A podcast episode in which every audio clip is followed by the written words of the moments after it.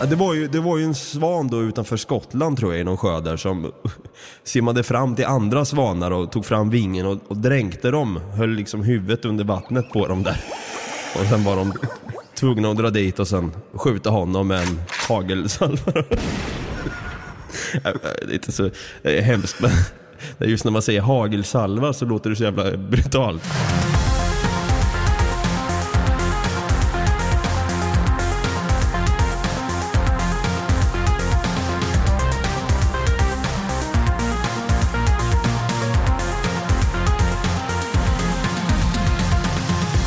Hjärtligt välkomna ska ni vara till våran lättsmälta men ack så informativa sommarspecial som går under namnet Nyhetstorks Bonanza. Vi är Något Kaiko Podcast där vi varje vecka kommer att nyhetstorka dig där bak med allt som har med personer, platser eller annat som inte alls på något sätt kommer att beröra dig eller mig. En klassisk nyhetstorka då med andra ord.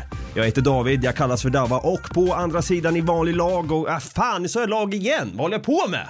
Vanlig, vanlig ordning då sitter min vapendragare och co-anchor Stefan Brutti Holmberg. Jag kör plain and simple bara idag. En applåd och en liten tuta på det hörni. Stoppa pressarna, stoppa pressarna, vänta lite nu, nu har det hänt någonting här. Jag, just i detta nu när vi sitter och spelar in det här så har jag fått in en, en stor nyhet. Hoppsan, vi klämmer in den här. Den stora nyheten med Brutti. Boris Lennerhov lämnar rollen som vd på Gekås. Va? Lämnar till jul. Nej. Boris Lennerhov har försökt släppa taget om varuhuset Gekås under flera år, men jag har inte hittat någon lämplig efterträdare. Men nu är tiden inne. Oj! Det har varit jättekul, säger han till Aftonbladet. Men jag vill gärna hinna med något annat i livet. Det är klart han vill det Boris. Ja, men vad kul ändå. Han lämnar till jul. Det är Så faktiskt spännande. inte, han har, han har faktiskt lämnat eh, rollen två gånger tidigare. Aha. Men han kommer tillbaka. Men alltså hans namn eh, känner man ändå igen. Alltså det är ju han, Ola, Conny och den här eh, Eh, Morgan. Morgan ja. Ja. När du sa Boris Lennerhov så tänkte jag direkt fan, varför känner jag igen det namnet för? Gekås. Ja, det är tragiskt. Men han ska sitta kvar i styrelsen och vara mentor åt den nya vdn. Har man fått reda på vem den personen är då? Nej, Nej. det har vi tyvärr inte. Det är nog hemligt. Ja, man skulle kunna säga att Gekås Ullared eh, är lite Sveriges svar på Area 51. Det är mycket fuffens som försiggår. Men det är ju lite nästan som att de skulle kunna ha ett så här crystal meth lab under Gekås, lite så här breaking bad. Jag, jag har faktiskt tänkt på det. Heisenberg, say my name. Jag, jag tänker mig att han är Gustavo Fring. Ja, faktiskt. Pollos hermanos. Exakt, fast han är Gekos hermanos. Gekos hermanos. Nog om Boris. Nog om Boris, en uppfriskande nyhet i alla fall. Han går av, eller han lämnar sin vd-roll till jul. Och eh, det här är ju en nyhet. Nu ska vi köra lite nyhetstorkar. Vi har ett fullspäckat avsnitt framför oss idag. Det har vi definitivt. Så varför ödsla tid? Vi drar igång. Det gör vi.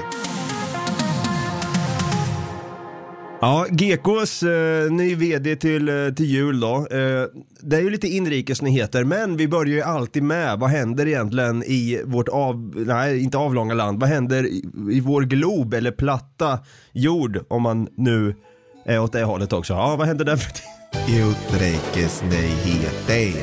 Precis. Det är dags för utrikesnyheter och jag tänker som så att vi har varit där förut i krimbonanzan. Är det Wales? Ja, man, man kan tro det. Ja, jag, jag tycker vi, vi kör en enkelbiljett med, med en gång här och fokuserar på en nyhet som ja, är lite mellan en nyhetstorka och en hjältesaga samtidigt. Okej. Det är som så att tidigt i juni så får en polis i Queensland, Australien då, syn på en bil som kör alldeles för fort och sladdar fram och tillbaka på motorvägen. Sirenerna åker på då såklart och polisen kör i fatt och möts då av 27-åriga Jimmy i förarsätet. Okej. Jimmy hade däremot en förklaring till den här vansinnesfärden då. En brunorm, alltså en av världens mest giftiga ormar, var en ovälkommen passagerare i bilen. Jimmy försöker alltså samtidigt som han kör i över 120 km i timmen fightas med ormen och undvika att bli biten. Så jävla stört. Så jag tänker att vi, vi lyssnar på när polisen stannar Jimmy här på vägen. Like you, can feel my heart, You mate. found a snake in your car. There was a brown, it's in the back of the tray, mate. Ah, that one. Ah, that one. Nej, den andra ormen. And just confirming, you said you're off with a vehicle. The driver's been bitten by a brown snake. Was that correct? Yeah, that's right. He's got the snake in the tray. He's uh, pretty panicky. He's conscious and breathing at the moment. And the more I move my legs, the more because it's pretty big. It Yeah, started yeah, to yeah. wrap around me, and then its head just started striking at the chair like that. Yeah, between your legs. Ja, alltså det som hände då, det var att den här brunormen som Jimmy hade fått in i bilen slingrade sig runt Jimmys ben och försökte bita honom då. då. Träffade sätet. Vad jag fattar det som. Så han, precis, han lyckas hålla borta ormen med hjälp av bilbältet och en kniv. Alltså hur australiensiskt är inte det här? Det är ju väldigt australienskt. Och grejen är att han säger att han, eh, att han har panik, men jag tycker inte det låter som det. Jag tycker det låter så. I has a bloody snake in my car. Helt såhär chill och laid back typ såhär. Men du vet som det brukar vara liksom. Det, om man inte blir attackerad av en fiskmås i Sverige då får man räkna med att en brunorm Ploppar upp i bilen. Exakt. Och han säger här också, ju mer jag rörde benen desto hårdare slingrade han sig runt benet och bet mot skrevet men varje gång så träffade han i bilsätet istället. Alltså, Ja. fatta den paniken och bara sitta så här. Man har en, en av världens mest giftiga ormar mellan sina ben. Ja, det kanske är många som har ormfobi av er där ute nu. Vad heter det nu? Brutte, du har ju koll på fobier och så. Herpetofobi. Herpetofobi ja. Ja, det verkar inte Jimmy ha i alla fall. Han kanske kommer ha det efter det här. Men han lyckas ju i alla fall ha ihjäl ormen och är ju såklart i chock efter det här och polisen är ju schyssta här ändå. De eh, känner ju att, eh, ja vad fan det hade bara varit elakt att lä- lägga en bot på Jimmy här. Så man skulle kunna säga att Jimmy, han slingrar sig ur det här. Nej vad dåligt. Ja, fan. Har, har, du, har du varit i Australien förresten? Nej, jag har aldrig varit i Australien. Alltså jag är ju lite skitnödig för det här landet ändå. Man har ju läst om massa, är det inte typ vampyrer som suger eh, blod ur, tinningen på en om nätterna så är det ju typ en giftspindel eh, under sängen. Ja, men alltså, saken är den att Australien är ett väldigt speciellt land. Ja. De har ju samlat alla världens giftigaste och farligaste djur i en, mitt i en och samma land. Ja. Så är det liksom inte, är det inte giftiga spindlar eller ormar eller fladdermöss eller fucking känguru som sparkar huvudet av dig. Nej, då kan du hoppa i vattnet och, och så kan du få en jävla haj mot dig eller en livsfarlig sån här jävla, vad heter de här, eh, manet. Koala var jag nära på att säga. Nej, det de är inte så jävla farliga faktiskt. De käkar eukalyptus och är höga hela tiden och fattar inte vad som händer. Men det är ju lite så här vi- vilda västern för, för djurriket skulle man kunna säga. Ja, absolut. Och glöm inte krokodiler. Nej just det, herregud. Alltså jag tänkte på det eh, när jag, när jag läste nyheten att så här, vem av mina polare hade kunnat sitta i bilen och kunna behålla det här lugnet som ändå Jimmy har. Jag tror fan i mig att du skulle nog kunna pull this shit off. Jag vet inte fan alltså, jag ryser lite när jag tänker på det. Alltså om, om, jag, om jag hade suttit där, man har varit ute på och kollat på lite sightseeing i, eh, utanför Melbourne eller vad, vad det kan vara. Och sen då ser man att man har en brun orm mellan benen vet du, som bara biter mot en gång på gång. Alltså jag hade ju tänkt så här. Ja, ja, men det var, en, det var en härlig resa hit faktiskt. Eh, Australien har levererat under de här två dygnen. Jag klubbar in här i bergsväggen så det går fort. Direkt utan tvekan. Jag har ändå levt ett ganska bra liv. Ja, nej men nu när vi ändå är utrikes Brutti, har du, ehm, har du något där också? Ja, vi ska faktiskt bege oss till Florence, Kentucky i USA. Ja, okej, ja. Där en pappa som var något full, eh, ganska rejält full skulle jag tippa på, kommer på att han eh, ska bryta arm mot sin son. Sonen vinner gång på gång. Och den här killen då, Curtis Zimmerman, vet du vad han gör då? Jag vet inte, jag måste tänka här. Det är, det är inte jättelångsökt om vi tänker på att vi är i USA. Bryter han armen av sin son där kanske? Nej, han drar pistol. Alltså, men- Fan vad, idioti, Kentucky också. Men man har ju lite fördomar om det. Ja, faktiskt. Men eh, det roliga är att det, var- det var inte bara de två hemma, så att de andra ringer ju polisen. Ja. Polisen kommer dit och den här Curtis Zimmerman, han vägrar gå ut utanför huset Förrän han har vunnit. i åtta timmar. Ja, förlåt. What the fuck, okej. Och saken är den att det hade det kanske inte blivit så mycket så farligt om det inte vore för att när sonen ska gå därifrån, då skjuter Curtis två gånger rakt upp i taket. Va? Han avlossar två skott. Varför då? Ja, för att skrämma honom eller någonting, för att han ska, inte ska gå därifrån, han ska vinna. Ja, men herregud, han är, han är ju som sån här en liten snorunge som bara vill ha sin vilja igenom. Nej. Men ingen blev skadad faktiskt. Eh, det, det är oklart, skriver de faktiskt. Det är oklart om Zimmerman hade en, en advokat som kunde kommentera åt honom. Vilken idioti ändå. Ja men alltså, fattar du? Och Att man vägrar gå ut utanför huset i åtta timmar. Ja. Det här hände runt tolv på natten. Ja, oh my Då kom polisen dit. Och de fick ut honom först vid halv nio på morgonen. Man, man får ju lite så här, om jag får vara lite fördomsfull, återigen här. Man får ju lite så här redneck-aura. Ja, jo, verkligen. De sitter där med, med sina mullets och typ så här eh, flanellskjortevästar och så bara, ah, nu kör vi, nu får vi göra det här mandomstestet. Sen förlorar han gång på gång för han inser att jag har fått min unge att hjälpa till för mycket på gården, han har gått och blivit starkare än mig nu. Och så kan man inte, så, så kan man inte ta det. Utan man ska dra en pistol mot sin son då liksom. Fan! Kentucky i ett nötskal alltså. Ja, men jag tror fan det alltså. Ja, min eh, utrikesnyhet här handlade ju om eh, ett psykotiskt djur som hade tagit sig in i Jimmys bil här och bet han nästan i skrevet men Jimmy han eh, göra en manöver där och ha ihjäl ormen istället. Ja. Eh, men vi har även psykotiska djur här inom vårt land, Brutti. Vad är det dags för nu? Inrikesnyheter. Det är det verkligen. Vi har ju en historia i den här podden att eh, prata lite grann om sinnessjuka och psykotiska djur. Eh, och nu har det hänt igen, Brutti. Är det en svansinnig svan igen? Ja, det kan jag faktiskt säga att det är. Det är mer svansinnigt än förut. Och mer djur än svan på Stora Karlsö utanför Gotland har bitit ihjäl ett stort antal ejderungar. Bara i fjol dödade den 100 stycken. Nu har Länsstyrelsen beslutat om skyddsjakt på svanen och man motiverar jakten med att intresset för att skydda den hotade ejdern väger tyngre än att skydda den aggressiva svanen. Det gäller att vara snäll alltså. Det är alltså en knölsvan här eh, utanför eh, Gotland i, på Stora Karlsö som har ja, bitit ihjäl över hundra ejderungar Ja, men alltså. de senaste åren. Är det, är det så att eh, de kommer gå dit och trycka en hagelsalva rätt i plytet på den här svanen nu eller? Som de gjorde med den andra. Ja, det var en gammal artikel vi tog upp i ja, vår gamla podd skulle man kunna säga. Ja, det var det. Jag hade för mig att det var i, i artikelbonanza, men det var det inte.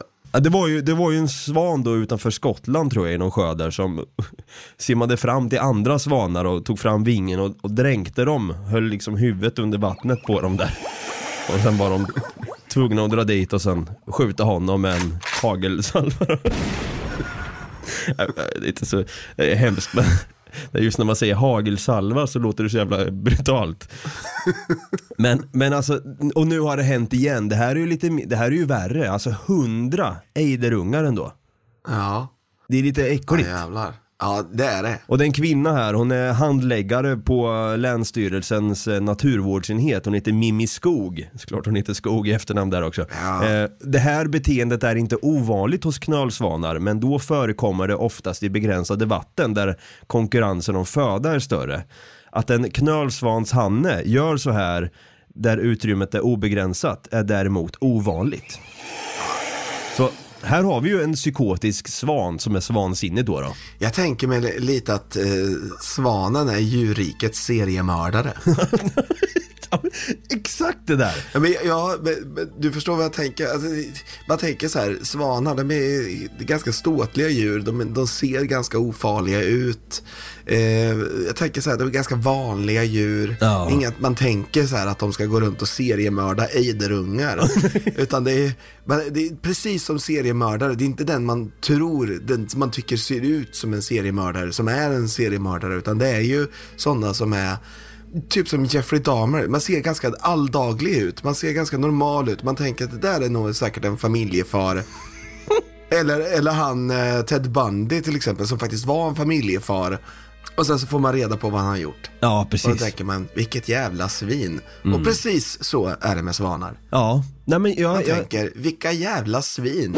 Om man skulle göra en sån här röntgen som jag pratat om tidigare som man kan göra på seriemördare och se att det är helt svart i loben där för att de inte har någon empati eller sympati eller vad det är. Då hade man röntgat den här knölsvanen så är det ju, det är ju becksvart alltså. Ja, det är det definitivt alltså. Ja, vad händer mer inrikes då?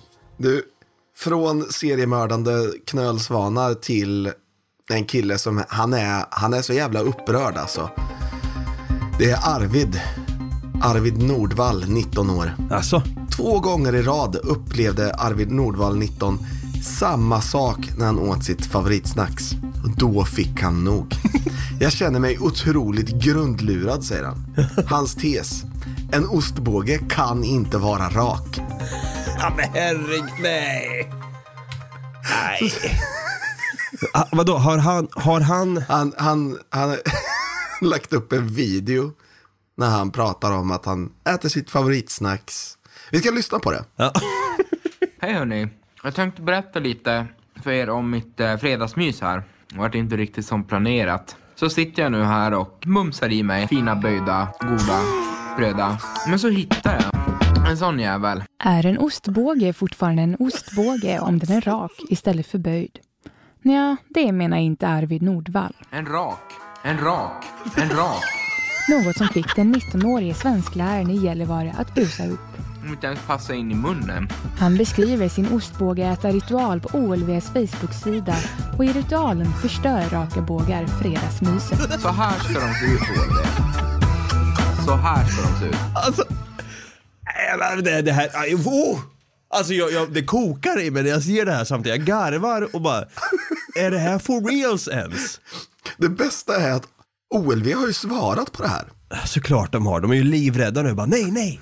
De svarar, för att få till en fint böjd cheese doodle krävs en exakt temperatur och då temperaturen kan avvika under tillverkningen kommer det enstaka cheese som är rakare. Tillverkaren lägger också till, eftersom vi gillar olika och alla, allas olika värde samt ogillar matsvinn så sorteras inte raka cheese bort. Fick de in det också? Ja. Och då, då har han svarat, jag åt upp den men den smakade annorlunda. Det var en annan akustik i munnen. Alltså, alltså herre... Åh, man blir ju lite så här, herregud, du har alltså kontaktat tidningen för det här, eller du har väl lagt ut, nej det är nog så här, han har ju lagt ut en video här. Ja, han har ju faktiskt eh, skickat den till OLVs Facebook-sida. Och dessutom säger han då till Expressen att han hoppades också på, som på en bonus att hela äventyret med de raka ostbågarna kunde fungera som skrivinspiration för hans elever i svenska. Han är svensklärare i Gällivare. Ja, alltså jag måste nog säga, det här är nog nyhetstorkarnas nyhetstorka so far i den här bonanzan. Vi har ju inte glömt er, ni där ute som fullkomligt älskar eh, sport då, som är då tennis, golf eller diskus. Det har blivit dags för Sporten. Och de sporterna jag precis sa, tar dem, lägger ihop dem här och sen ut genom fönstret, så. Och sen ska vi prata om eh, världens kanske mest eh, älskade sport. Är det fotboll du pratar om? Ja, det kan vara fotboll faktiskt. Fotboll alltså? Jag tänker hålla den här rätt så kort och simpel. Jag ville bara nämna det här för att jag tycker eh, att det är, det är lite coolt också. Det är ingen nyhetstorka, men jo, det skulle man kunna säga med. Man tänker så här, så fort eh, det är det här namnet som det kretsar kring om, då blir journalisterna med en gång bara, ah, vi måste skriva något om det här ändå. Zlatan Ibrahimovic pratar jag om, självklart. Ja, såklart. Han eh, körde ju en, eh, en träningsmatch här nu nyligen mot eh, Napoli och så lägger han upp en boll för sig själv och tar ner den på bröstet under uppvärmningen på San Siro. Och eh, sättet han gör det på får fotbollsvärlden att reagera starkt. Han trotsar då fysikens lagar, skriver ESPN på Twitter. Och då får man ju se en bild på Zlatan hur han går ner likt Neo i The Matrix när han dodgar eh, kulorna där. Går ner så liksom så här och det ser nästan ut som att knäskålarna ska åt helvete när som. Men han lyckas ändå gå ner som bara Zlatan kan. Jaha du, tar han sig upp igen då alltså? Ja, det förmodar jag att han gör. Annars Ja, okej. så tror jag inte att han, man kan säga att han trotsar fysikens lagar. Nej, det, det var lite det jag tänkte också. Men han är ju känd för att göra det mest omöjliga egentligen. Han kan klacka in den från en halva plan om det är så, bara dra lite så här nonchalant klack upp i kryllat liksom, 120 km i timmen som Jimmy körde där på Queensland. Det var det. Var det. Det, det var inte mer än så. Ja, det, det var inte mer än så. Vi, vi skulle bara få med en sportgrej här. Zlatan blev det den här gången. Inte Daniel Yes. Ståhl. Nej. Men nu Brutti, vad har det blivit dags för nu? Det här ser jag fram emot. Jag tänker det här varje morgon när jag vaknar. Tadzjikistan-rapporten. Nu du, nu har det hänt grejer i Tadzjikistan kan jag säga det. Ah, take it away. Ja, eh, det är egentligen inte nu, utan det har hänt under tusen år. Det är faktiskt så att de har en väldigt eh, rik historia när det gäller musik. Asså? Ja, och de har ju lite speciella instrument. Eh, så jag, jag, jag, har, jag skickar ett klipp till dig här som vi kan lyssna på tillsammans då när de sitter och spelar det här väldigt speciella instrumentet. Ja. This, for example, is a traditional Tajik tanbour. It's believed to be around 450 years old. Du, det är ju väldigt, det är ett långt instrument.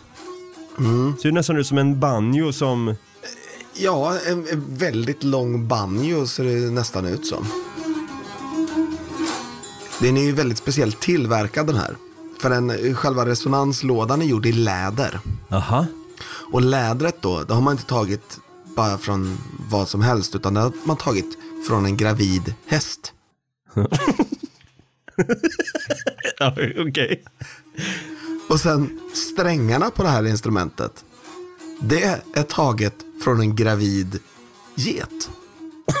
Alltså, okej, så det, det är väldigt viktigt att det är två gravida djur man ska liksom... Ja, det är väldigt viktigt. Ja. Det är ju så att det är trä också på det här instrumentet. Och träet, det är taget från ett eh, aprikosträd som precis ska gå in i, i, i blomning. Alltså, fan vilken komplicerad procedur. Ja, jag vet. Alltså vad fan, vänta. Så, eh, okej, och varför vill man ha då en gravid, en gravid eh, häst och en gravid get och sen ett nyblommat aprikosträd? Varför ska man just ha det? Jo, det är så att legenden säger att då kan man höra de här eh, djuren då, att man kan höra deras eh, rop på mamma. Fan vad mörkt! Det är jättemörkt! That shit took a dark turn. Verkligen! Jag tänkte så här, fan det här är lite mysigt att höra på. Det här skulle jag kunna liksom ha på i köket medan man Ja. hackar upp gulöken till ens tacomys där på fredagar. Men jag tänker, så, så har man gjort det här instrumentet i tusen år. Och jag, jag undrar om man faktiskt fortfarande gör det på samma sätt. Jag hade ju föredragit mer om de skulle göra det utav knölsvanar istället.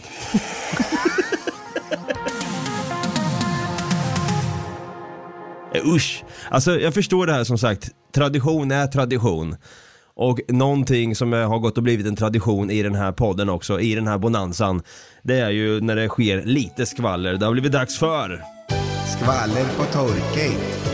Ja, det är det verkligen dags för. Och eh, här, Brutti, här är det någonting som kommer blow you away, så att säga. Ja, okej. Kändisar med svåra allergier. Hudvård, laktos och höjder. Nu jäklar, nu kör vi. Va? Några av dem är allergiska mot gluten och laktos. Andra har lite mer ovanliga saker de inte tål. Hollywoodkändisarna här då som har svåra allergier.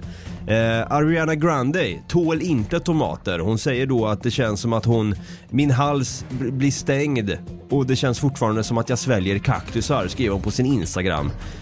Emma Stone, hudvårdsprodukter, säger då att hon knappt tål produkter alls i ansiktet.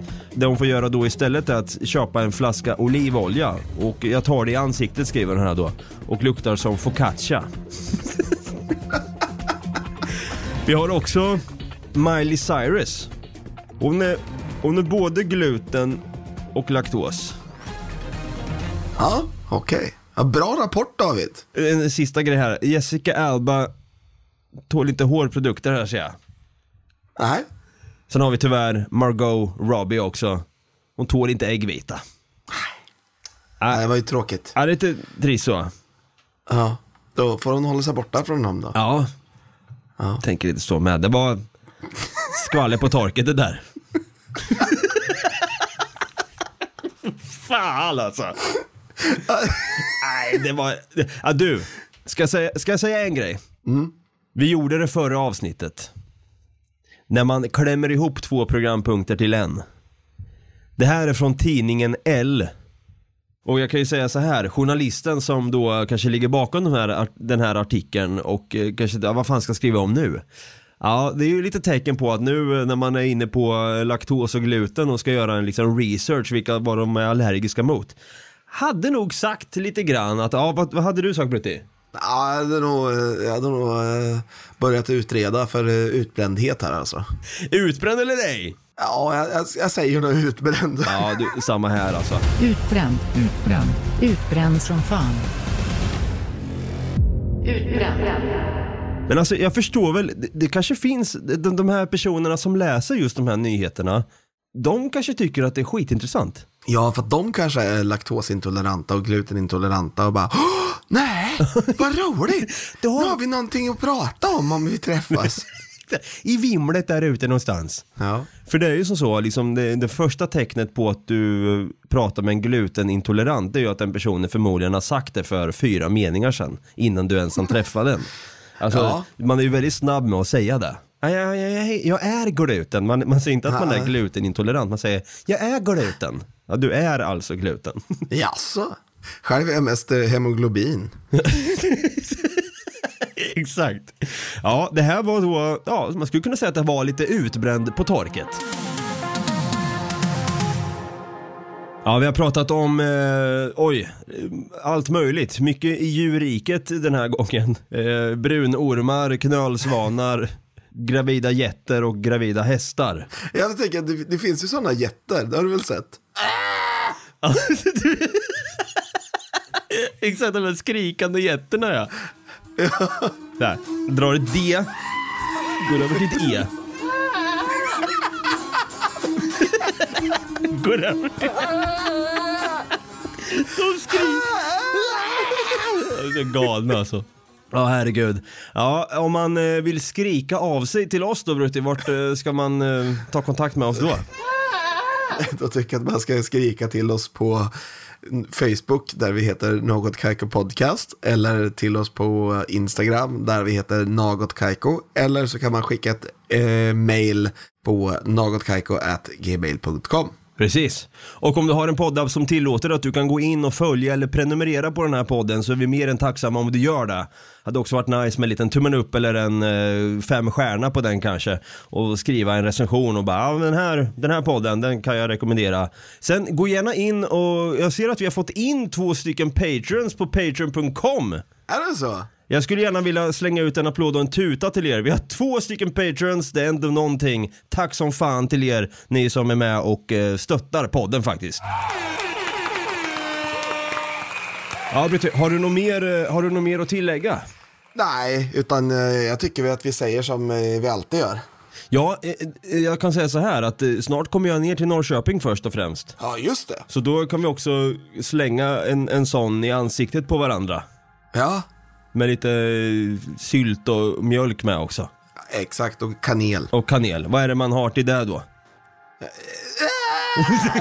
Eh, gr- gröt på getiska. Getiska till och med. Ha det gröt med er. Ha det gröt.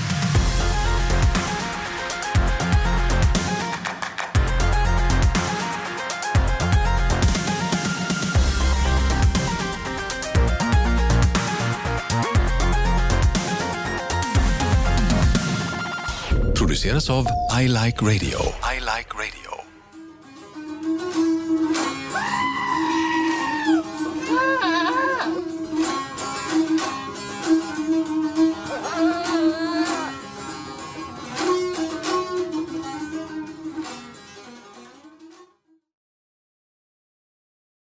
Välkommen till Telenor röstbrevlåda. Hej min fina fina mamma.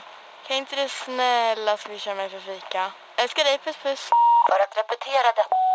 Hej min fina fina mamma. Spara samtalet när du förlorat den som ringde på telenor.se snedstreck calls.